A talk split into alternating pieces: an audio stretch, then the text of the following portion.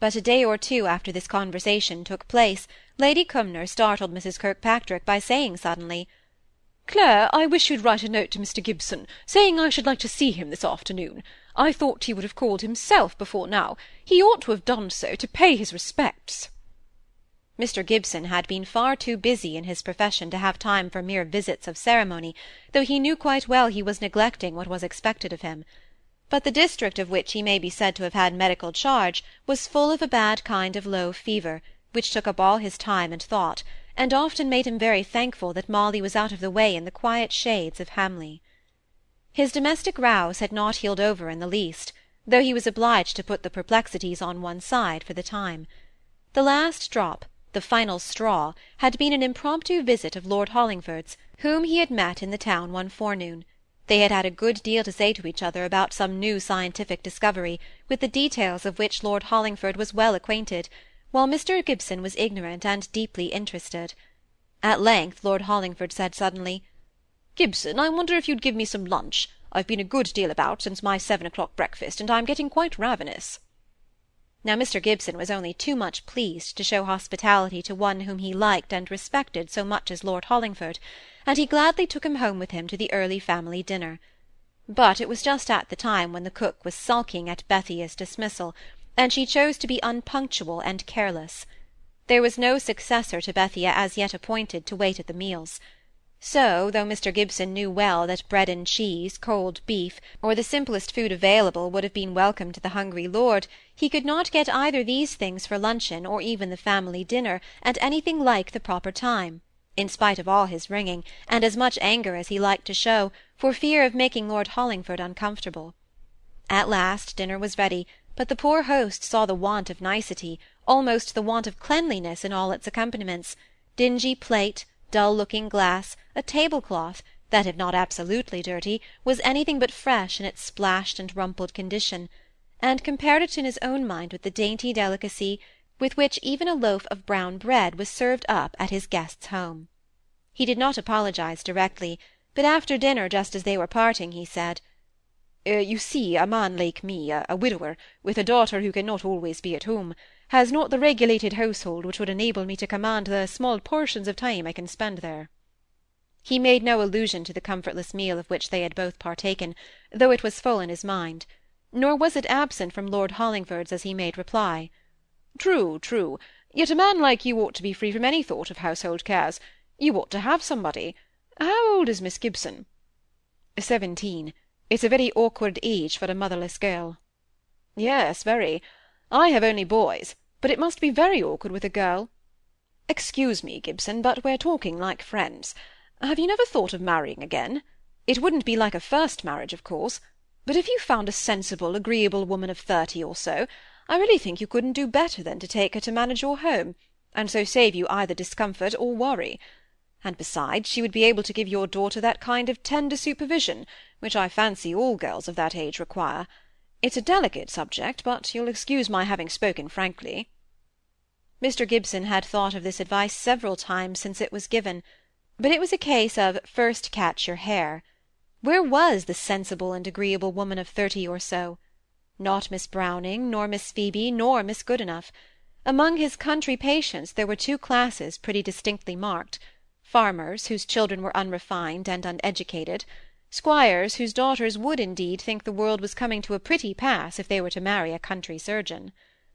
But the first day on which Mr. Gibson paid his visit to Lady Cumnor, he began to think it possible that Mrs. Kirkpatrick was his hare.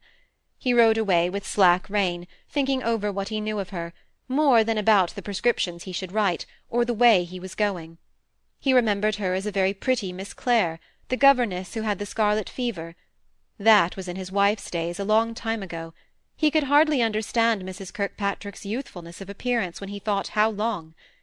Then he had heard of her marriage to a curate, and the next day, or so it seemed, he could not recollect the exact duration of the interval, of his death. He knew in some way that she had been living ever since as a governess in different families, but that she had always been a great favourite with the family at the Towers, for whom, quite independent of their rank, he had a true respect. A year or two ago he had heard that she had taken the good-will of a school at Ashcombe, a small town close to another property of Lord Cumnor's, in the same county. Ashcombe was a larger estate than that near Hollingford, but the old manor house there was not nearly so good a residence as the Towers, so it was given up to Mr. Preston, the land agent for the Ashcombe property, just as Mr. Sheepshanks was for that at Hollingford. There were a few rooms at the manor house reserved for the occasional visits of the family, otherwise Mr. Preston, a handsome young bachelor, had it all to himself. Mr. Gibson knew that Mrs. Kirkpatrick had one child, a daughter, who must be much about the same age as Molly. Of course she had very little, if any, property. But he himself had lived carefully, and had a few thousands well invested, besides which his professional income was good, and increasing rather than diminishing every year. By the time he had arrived at this point in his consideration of the case, he was at the house of the next patient on his round, and he put away all thought of matrimony and Mrs. Kirkpatrick for the time. Once again in the course of the day he remembered with a certain pleasure that Molly had told him some little details connected with her unlucky detention at the Towers five or six years ago, which had made him feel at the time as if Mrs. Kirkpatrick had behaved very kindly to his little girl. So there the matter rested for the present, as far as he was concerned. Lady Cumnor was out of health, but not so ill as she had been fancying herself during all those days when the people about her dared not send for the doctor. It was a great relief to her to have Mr. Gibson to decide for her what she was to do, what to eat, drink, avoid. Such decisions ab extra are sometimes a wonderful relief to those whose habit it has been to decide not only for themselves but for every one else and occasionally the relaxation of the strain which a character for infallible wisdom brings with it does much to restore health. Mrs. Kirkpatrick thought in her secret soul that she had never found it so easy to get on with Lady Cumnor, and Bradley and she had never done singing the praises of Mr. Gibson, who always managed my lady so beautifully. Reports were duly sent up to my lord, but he and his daughters were strictly forbidden to come down. Lady Cumnor wished to be weak and languid, and uncertain both in body and mind, without family observation. It was a condition so different to anything she had ever been in before, that she was unconsciously afraid of losing her prestige, if she was seen in it. Sometimes she herself wrote the daily bulletins, at other times she bade Clare do it, but she would always see the letters. Any answers she received from her daughters she used to read herself, occasionally imparting some of their contents to that good Clare but anybody might read my lord's letters there was no great fear of family secrets oozing out in his sprawling lines of affection but once mrs kirkpatrick came upon a sentence in a letter from lord cumnor which she was reading out loud to his wife that caught her eye before she came to it and if she could have skipped it and kept it for private perusal she would gladly have done so my lady was too sharp for her though in her opinion clare was a good creature but not clever the truth being that she was not always quick at resources, though tolerably unscrupulous in the use of them. "Read on. What are you stopping for? There is no bad news, is there, about Agnes? Give me the letter." Lady Cumnor read half aloud. "How are Clare and Gibson getting on? You despised my advice to help on that affair, but I really think a little match-making would be a very pleasant amusement now that you are shut up in the house, and I cannot conceive any marriage more suitable." "Oh! said Lady Cumnor, laughing. "It was awkward for you to come upon that, Clare. I don't wonder you stopped short. You gave me a terrible fright, though."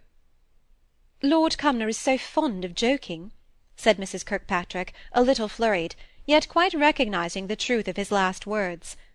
"I cannot conceive any marriage more suitable." She wondered what Lady Cumnor thought of it. Lord Cumnor wrote as if there really were a chance. It was not an unpleasant idea. It brought a faint smile out upon her face as she sat by Lady Cumnor, while the latter took her afternoon nap.